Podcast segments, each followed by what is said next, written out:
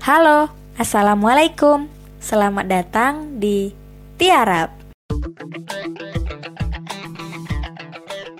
Bismillahirrahmanirrahim. Nah, sekarang kebetulan Hari Guru, jadi Tera ingin ngucapin selamat Hari Guru untuk seluruh guru yang ada di Indonesia. Uh, semoga guru semakin sukses dan berjaya tentunya gitu. Nah, pada kesempatan kali ini uh, Tera mau mau ngundang salah satu salah satu guru dari SMP Negeri 4 Kota Pekanbaru, kakak sendiri, kakak tertua perempuan yang ada di cucu cucu keluarga besar gitu. Nah, uh, Tera manggilnya Uni, Uni Walni Fitri. Saya hai Uni. Halo, Assalamualaikum. Waalaikumsalam warahmatullahi wabarakatuh langsung aja ya nih kita bahas tentang hari guru gitu. Nah, Tera pengen tanya nih, uh, awal mula Uni pengen jadi guru tuh gimana alurnya? Terus apakah emang Uni pengen jadi guru atau dari ada background sebelumnya gitu? Uh, baik Tiara, sebelumnya uh, saya mengucapkan juga selamat Hari Guru untuk seluruh guru di seluruh Indonesia. Semoga guru-guru di Indonesia semakin kuat, semakin bersemangat, uh, terutama di era pandemi saat ini. Semoga guru di seluruh Indonesia menjadi guru yang um, berdedikasi tinggi dan memiliki uh, jiwa pendidik yang luar biasa.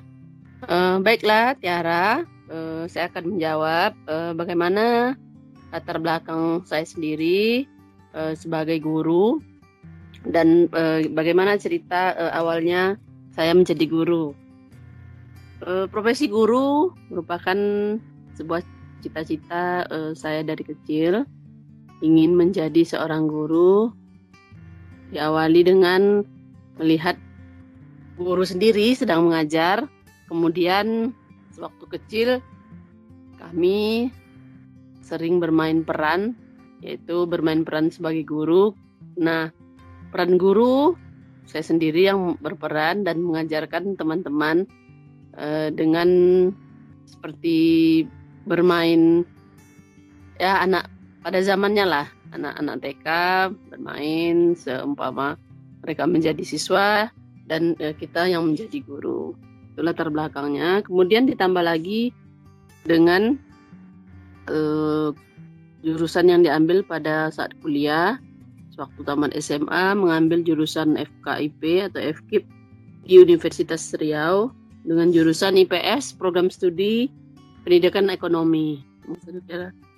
Ada suruhan nggak nih dari orang sekitar gitu untuk Uni jadi guru?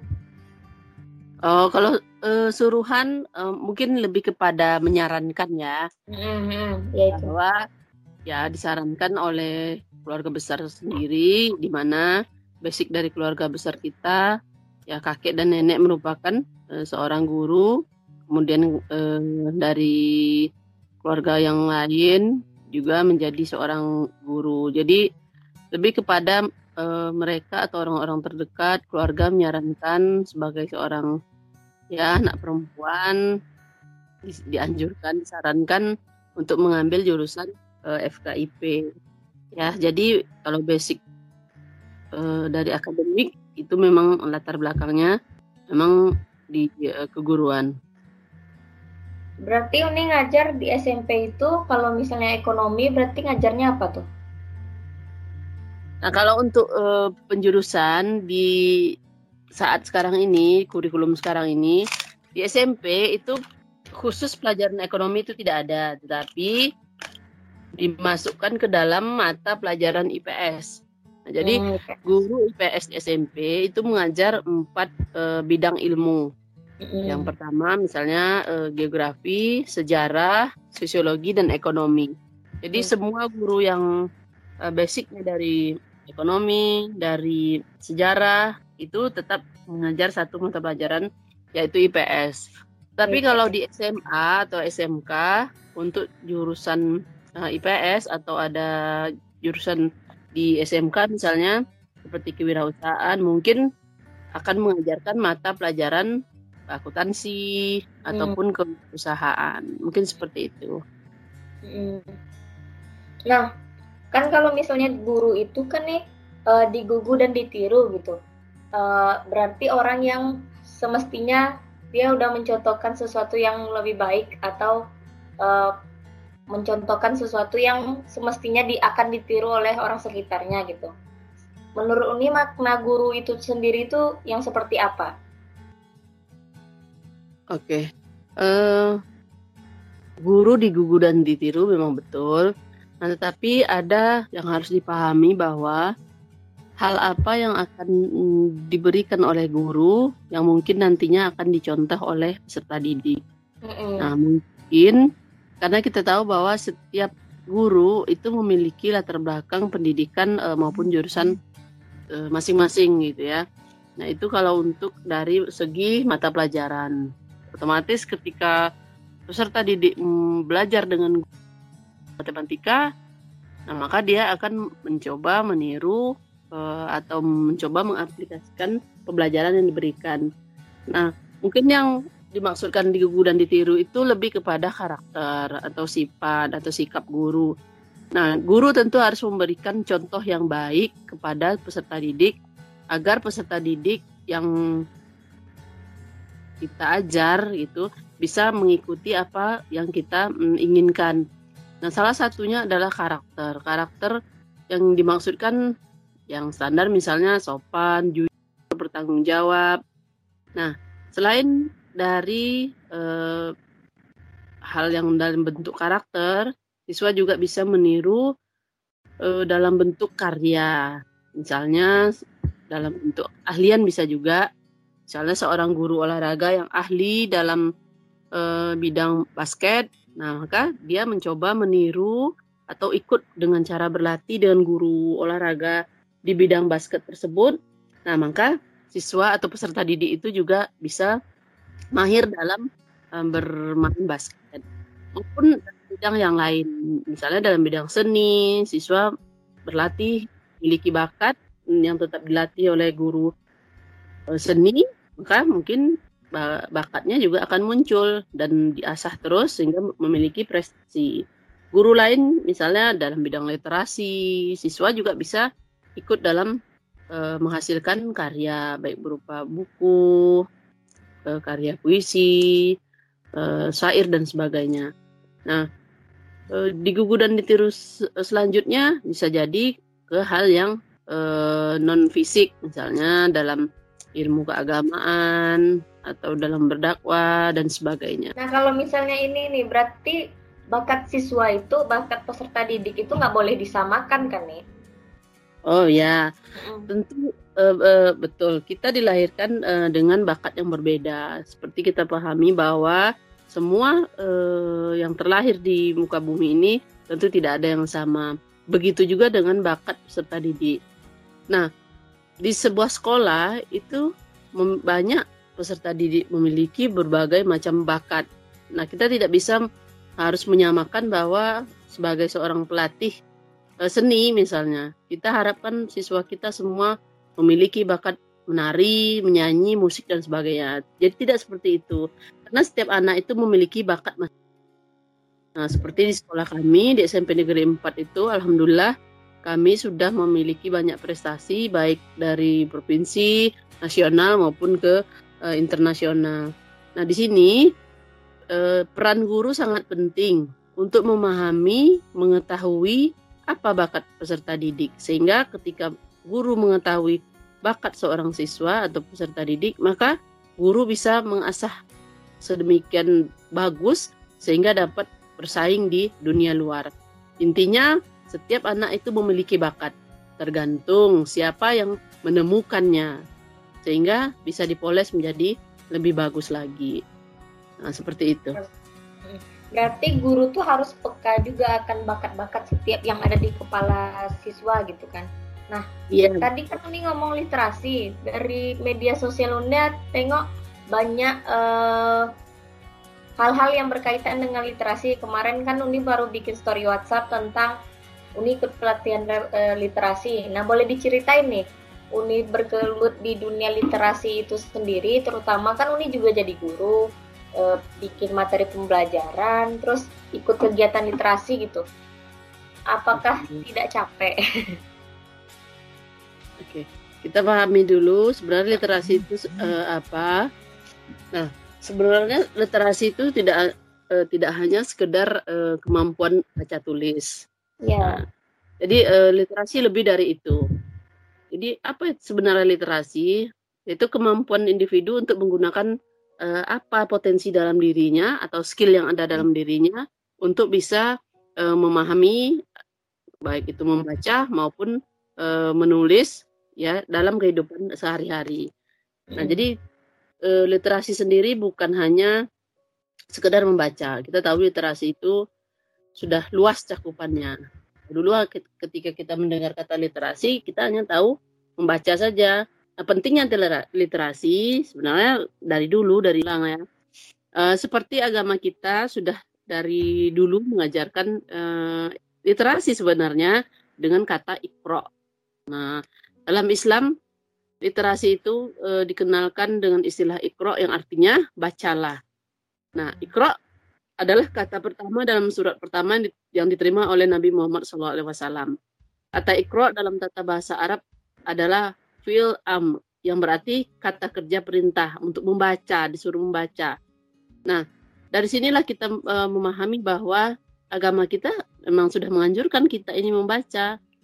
Nah, oleh karena itu, selain karena uh, saya sendiri itu hobi membaca, hmm. membaca kemudian ditulis. Kadang uh, dari kecil gitu membaca majalah, kemudian ditulis lagi ke dalam buku apa yang sudah dibaca, kemudian membuat catatan harian atau dulu dikenal dengan diary. Nah itu awal dari uh, saya sendiri suka dengan uh, kegiatan literasi gitu, jadi tidak hanya membaca. Nah maka literasi berkembang dalam masyarakat, ada yang disebut dengan uh, literasi masyarakat, literasi keluarga, dan literasi di sekolah. Nah, di mana literasi memiliki tujuan. Nah, yang pertama, literasi itu mampu meningkatkan pengetahuan kita ya dengan cara membaca dari berbagai informasi.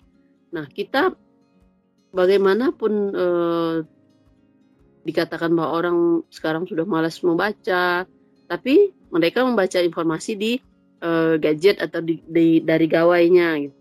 Nah itu termasuk literasi. Jadi sebenarnya luas uh, cakupan literasi tersebut. Nah kita pun sudah berliterasi dari rumah, dari keluarga misalnya membaca uh, Al-Quran, membaca majalah, itu hanya bentuk literasi yang sangat sederhana. Nah dalam cakupan luasnya literasi sudah sampai pada titik orang menulis dalam yeah. bentuk yang sederhana artikel adalah ditulis dalam blog sampailah dalam bentuk buku dalam bentuk sebuah buku nah itu sebenarnya yang dia dikatakan atau diartikan sebagai uh, literasi nah sebenarnya pengertian literasi secara dasar itu adalah hanya kemampuan seseorang membaca menulis mendengarkan dan menghitung yang tujuannya hanya untuk mengoptimalkan kemampuan seseorang dalam membaca menulis maupun berkomunikasi dan berhitung. Itu uh, pengertian literasi uh, yang dasar atau yang kita pahami uh, di awal. Ternyata literasi itu berkembang sampai ke literasi perpustakaan. Hmm. Lailah literasi perpustakaan itu kita bisa melihat memahami karya tulis baik itu dalam bentuk fiksi maupun non fiksi. Nah, sekarang muncul literasi media. Nah, literasi media itu apa? Kemampuan dalam mengetahui dan memahami berbagai bentuk media, termasuk di dalamnya media elektronik dan lain-lain. Nah, ada lagi literasi teknologi namanya. Nah, literasi teknologi itu apa? Kemampuan dalam mengetahui dan memahami hal-hal yang berhubungan dengan teknologi. Ya, misalnya dalam bentuk hardware, software, mengerti cara menggunakan internet, dan memahami etika dalam menggunakan teknologi itu juga termasuk literasi, tapi dimasukkan dalam golongan literasi teknologi. Nah, ada lagi bentuk literasi lain yaitu literasi visual. Nah, apa itu literasi visual? Yaitu pemahaman yang lebih uh, melihat kemampuan dalam menginterpretasi makna suatu informasi itu secara uh, visual. Ya, kita misalnya melihat gambar, oh itu gambar apa, kemudian kita komunikasikan dengan cara proses uh, membaca. Jadi uh, banyak sekali bentuk literasi yang ada yang berkembang saat ini. Nah, kan Uni tadi udah jelasin literasi ini. Biasanya literasi yang Uni jalankan sebagai guru itu literasi yang seperti apa nih? Ada kegiatannya kah? Ada komunitasnya kah? Atau bagaimana? Kalau literasi, nah khusus eh, saya ceritakan kegiatan literasi secara keseluruhan di sekolah kami di SMP Negeri 4 kegiatan literasi itu wajib diadakan. Nah, yang pertama pagi sebenarnya sudah sudah melakukan kegiatan literasi yaitu kegiatan literasi dalam bidang imtak yaitu dengan membaca uh, Al-Qur'an setiap pagi membaca ayat pendek itu sudah termasuk literasi. Dilanjutkan lagi dengan literasi dengan membaca eh, buku-buku selain buku pelajaran. Artinya membaca buku literasi yang mereka sendiri membeli buku, membawa buku dari sekolah atau meminjam eh, membawa buku dari rumah atau meminjamnya di perpustakaan.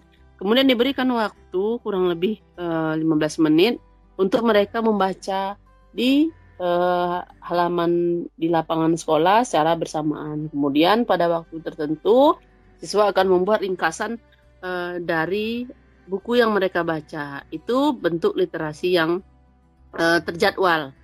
Nah, sedangkan eh, kegiatan literasi yang tidak terjadwal, ya mereka bisa membaca di perpustakaan, membaca buku di mana di tempat-tempat yang di sekolah kami ada di bawah-bawah pohon itu ada tempat literasi uh, yang mereka bisa bersantai sambil membaca buku. Ada juga eh, buku-buku uh, yang digantung di bawah-bawah pohon di depan kelas.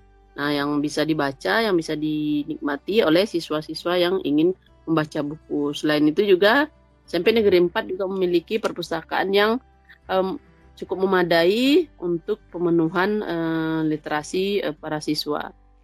Ya begitu juga dengan guru ketika siswa melakukan kegiatan literasi membaca, guru juga ikut membaca, membawa buku bacaan masing-masing. Uh, ada kegiatan literasi setiap hari dari yang Senin sampai hari itu bentuk literasi. Nah, sedangkan kegiatan literasi saya sendiri mungkin sudah hmm, banyak melakukan kegiatan yang sifatnya dilakukan secara bersama-sama dengan tim maupun saya sendiri.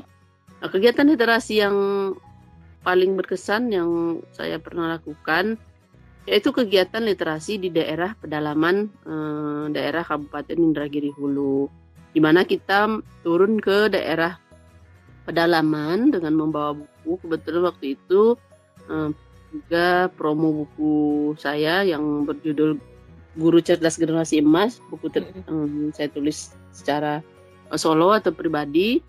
Nah, di daerah pedalaman itu kita tahu mereka tidak memiliki fasilitas untuk membaca atau mendapatkan ilmu.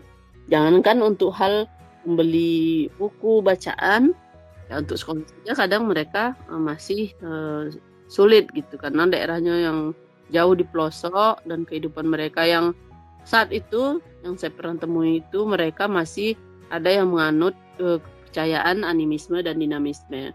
Untuk sekolah-sekolah pun mereka masih kadang masih dijemput. Nah, kebetulan di sekolah itu ada sekolah negeri namanya di daerah Palang Perigi, di daerah Kecamatan Rakit Kulim kalau tidak salah itu.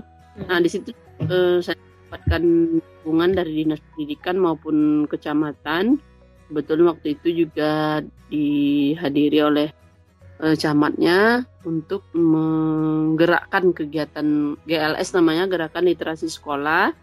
Nah di situ kegiatannya adalah saya mencoba memberikan kesempatan kepada siswa maupun guru di situ untuk berliterasi dalam bentuk membaca dan menulis. Mereka saya berikan buku sebanyak 80 eksemplar untuk uh, siswa di situ, siswa SD kebetulan waktu itu.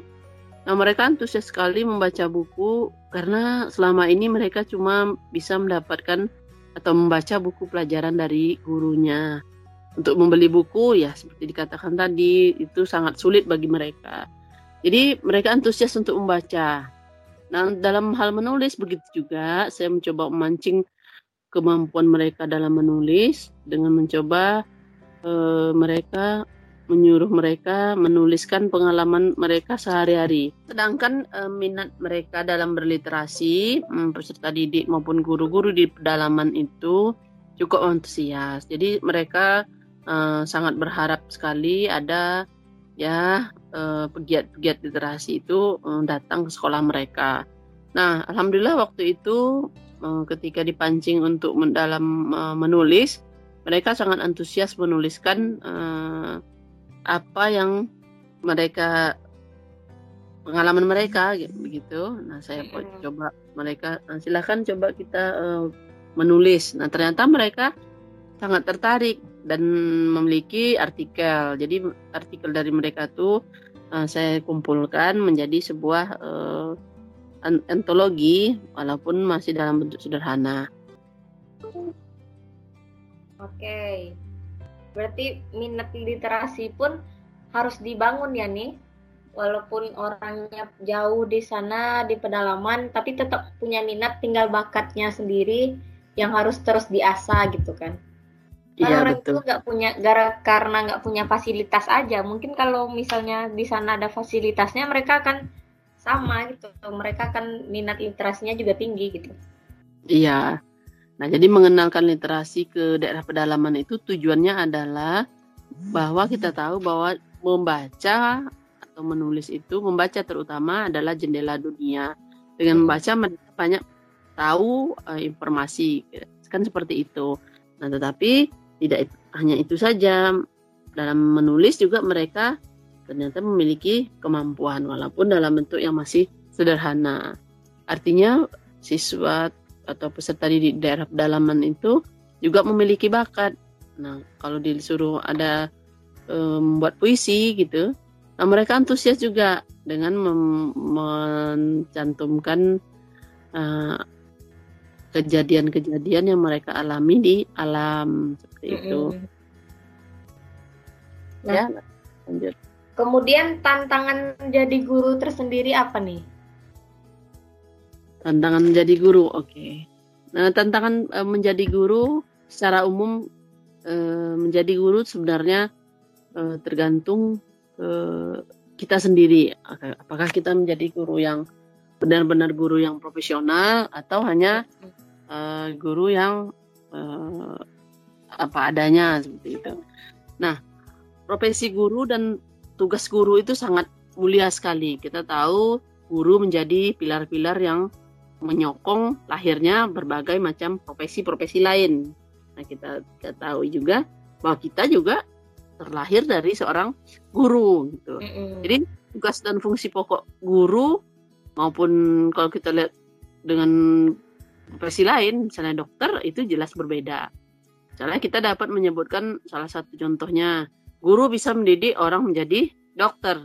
Namun seorang dokter belum tentu bisa atau tidak bisa mengobati orang untuk menjadi guru. Nah, kan yeah. itu perbedaannya. Nah, di tengah uh, kondisi sekarang ini kita tahu bahwa uh, pandemi COVID-19 ini merupakan sebuah persoalan yang juga tidak terlepas dari um, dunia pendidikan, terutama guru. Nah, oleh karena itu guru pada masa sekarang ini harus memiliki uh, kemampuan yang uh, sangat profesional dalam menghadapi uh, COVID-19 ini, artinya dalam bidang um, pengajarannya. Pada masa COVID-19 ini guru ya walaupun dikatakan bahwa oh sekolah sekarang tidak sekolah gurunya kerjanya apa ya guru bilang e, guru makan gaji buta. Itu sama sekali tidak benar. Nah malah ketika covid-19 guru memiliki tugas yang sangat berat di mana dia harus menilai siswa secara objektif namun itu tidak mungkin. Kenapa? Karena kita tahu siswa belajar di rumah. Kemudian siswa juga tidak bisa menerima langsung pembelajaran uh, selayaknya di dalam kelas. Memang bisa dilakukan dengan menggunakan Zoom meeting, menggunakan Classroom atau media WhatsApp lainnya.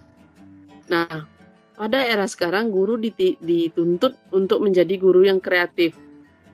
Artinya bisa bagaimana guru bisa tetap memberikan materi seluas-luasnya kepada peserta didik tanpa harus bertatap muka dengan peserta didik itu sendiri.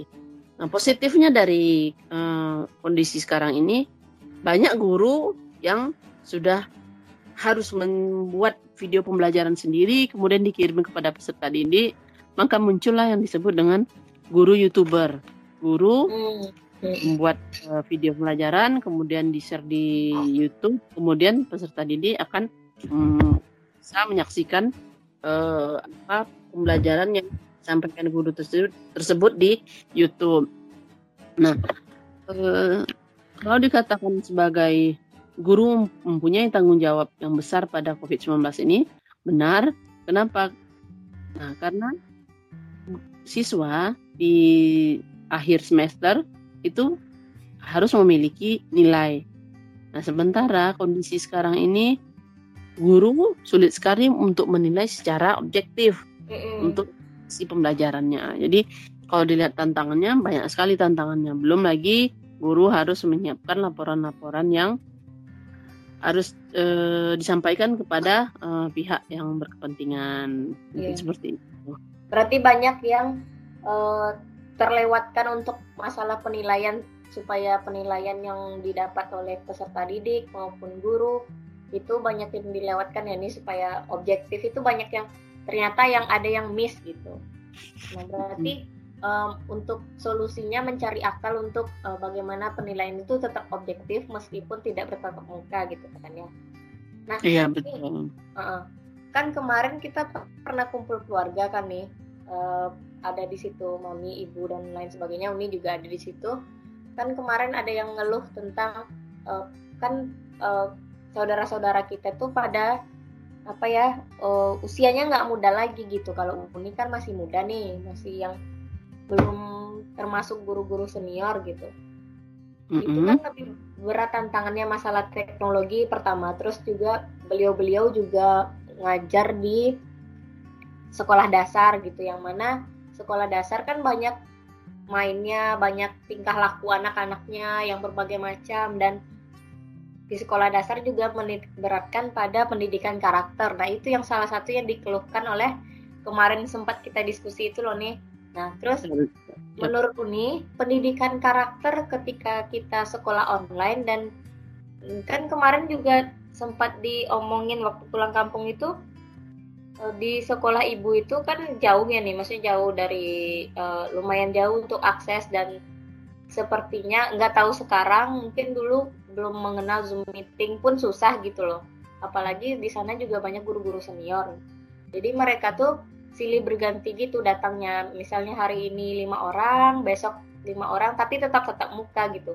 Nah itu yang salah jadi salah satu solusinya. Nah untuk pendidikan karakter sendiri apalagi untuk mungkin Uni sedikit banyak tahu untuk uh, pendidikan karakter di SD dan sekolah lainnya dan apakah pendidikan karakter itu bisa ditransfer melalui pendidikan yang online ini nih nah kemudian uh, dalam situasi pandemi, pandemi global seperti sekarang ini uh, learning menjadi salah satu pilihan utama untuk proses kegiatan belajar nah walaupun kita tahu di setiap sekolah itu tentu eh, ada kendalanya. Salah satunya adalah guru-guru yang senior, yang sudah hampir pensiun, tentu sedikit mengalami kesulitan untuk menghadapi eh, pembelajaran seperti itu. Nah, yang perlu kita sadari bahwa proses belajar eh, itu tetap harus dijalankan. Hanya berbeda eh, atau dirubah suasananya suasana yang di eh, biasa di kelas kemudian kita eh, berubah menjadi online nah karena satu hal perubahan itu siswa atau peserta didik dia akan memiliki akan kehilangan figur teladan yang biasanya di hadapan di kelas mereka dapat langsung melihat gurunya seperti ini dalam mengajar.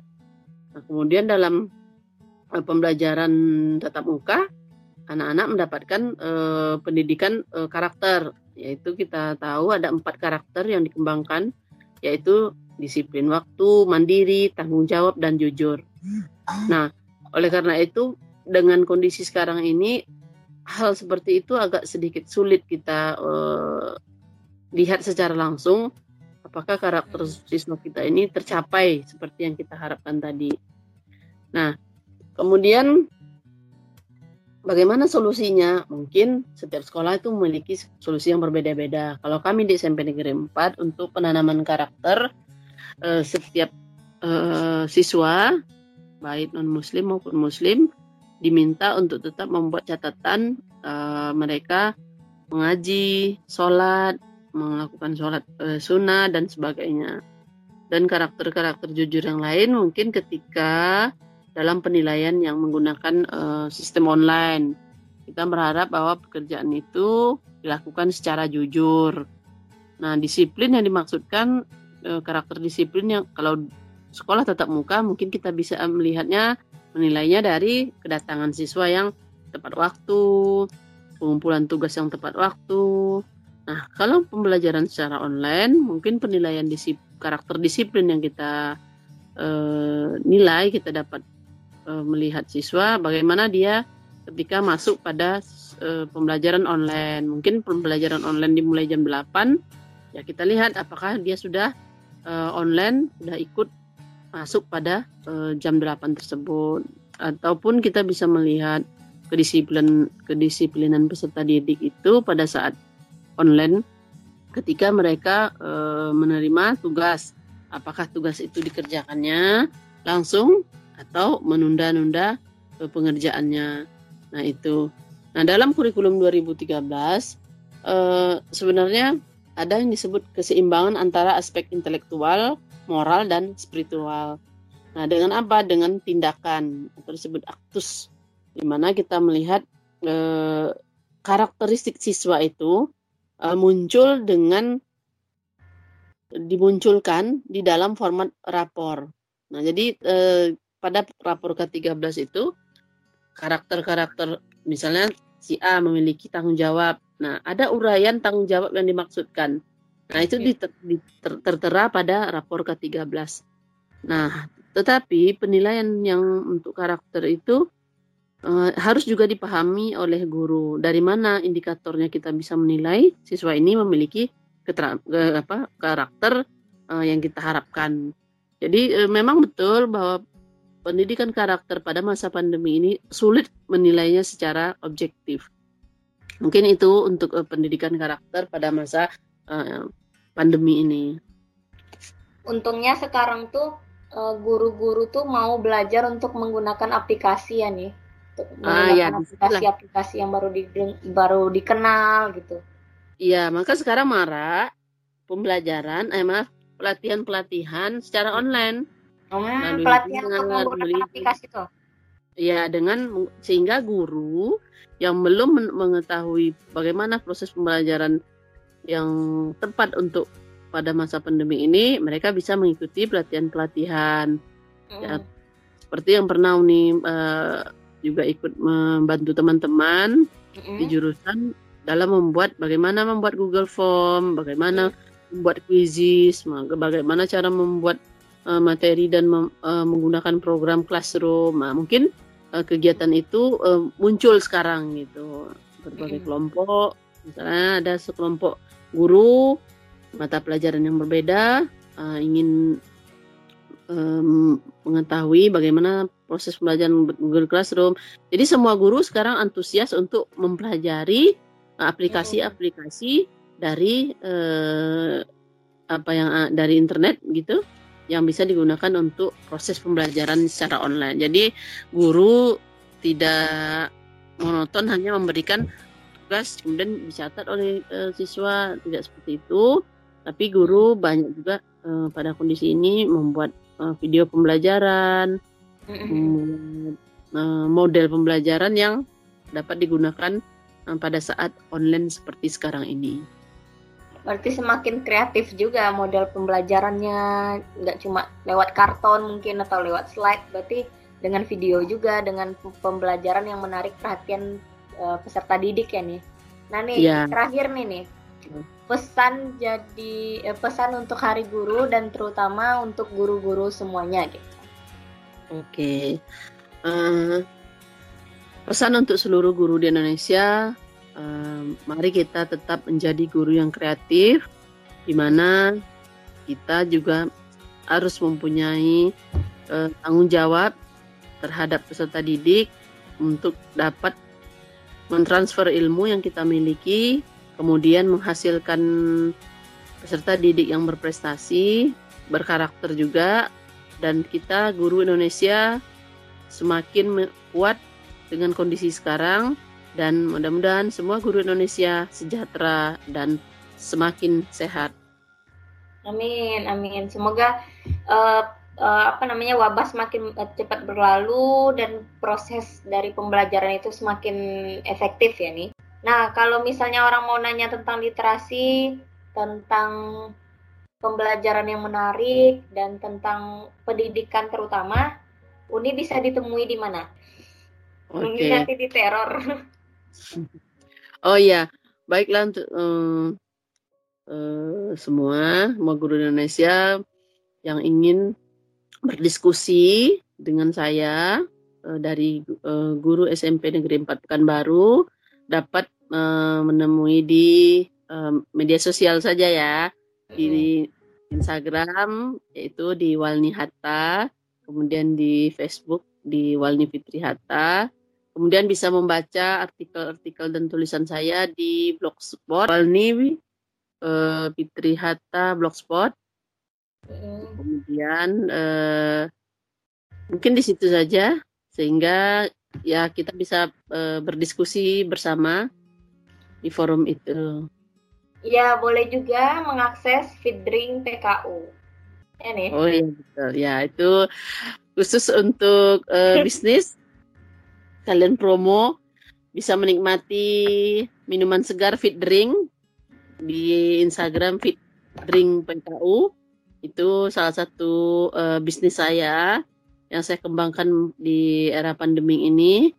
Mana ya yang pingin minuman segar, menyehatkan untuk meningkatkan imunitas bisa dilihat di IG at Drink Pekanbaru, eh PKU. Drink PKU. Oke, ya. terima kasih banyak Uni sekali lagi. Selamat Hari Guru dan uh, terkhusus untuk Uni dan seluruh guru di Indonesia gitu. Terima kasih, Terima kasih.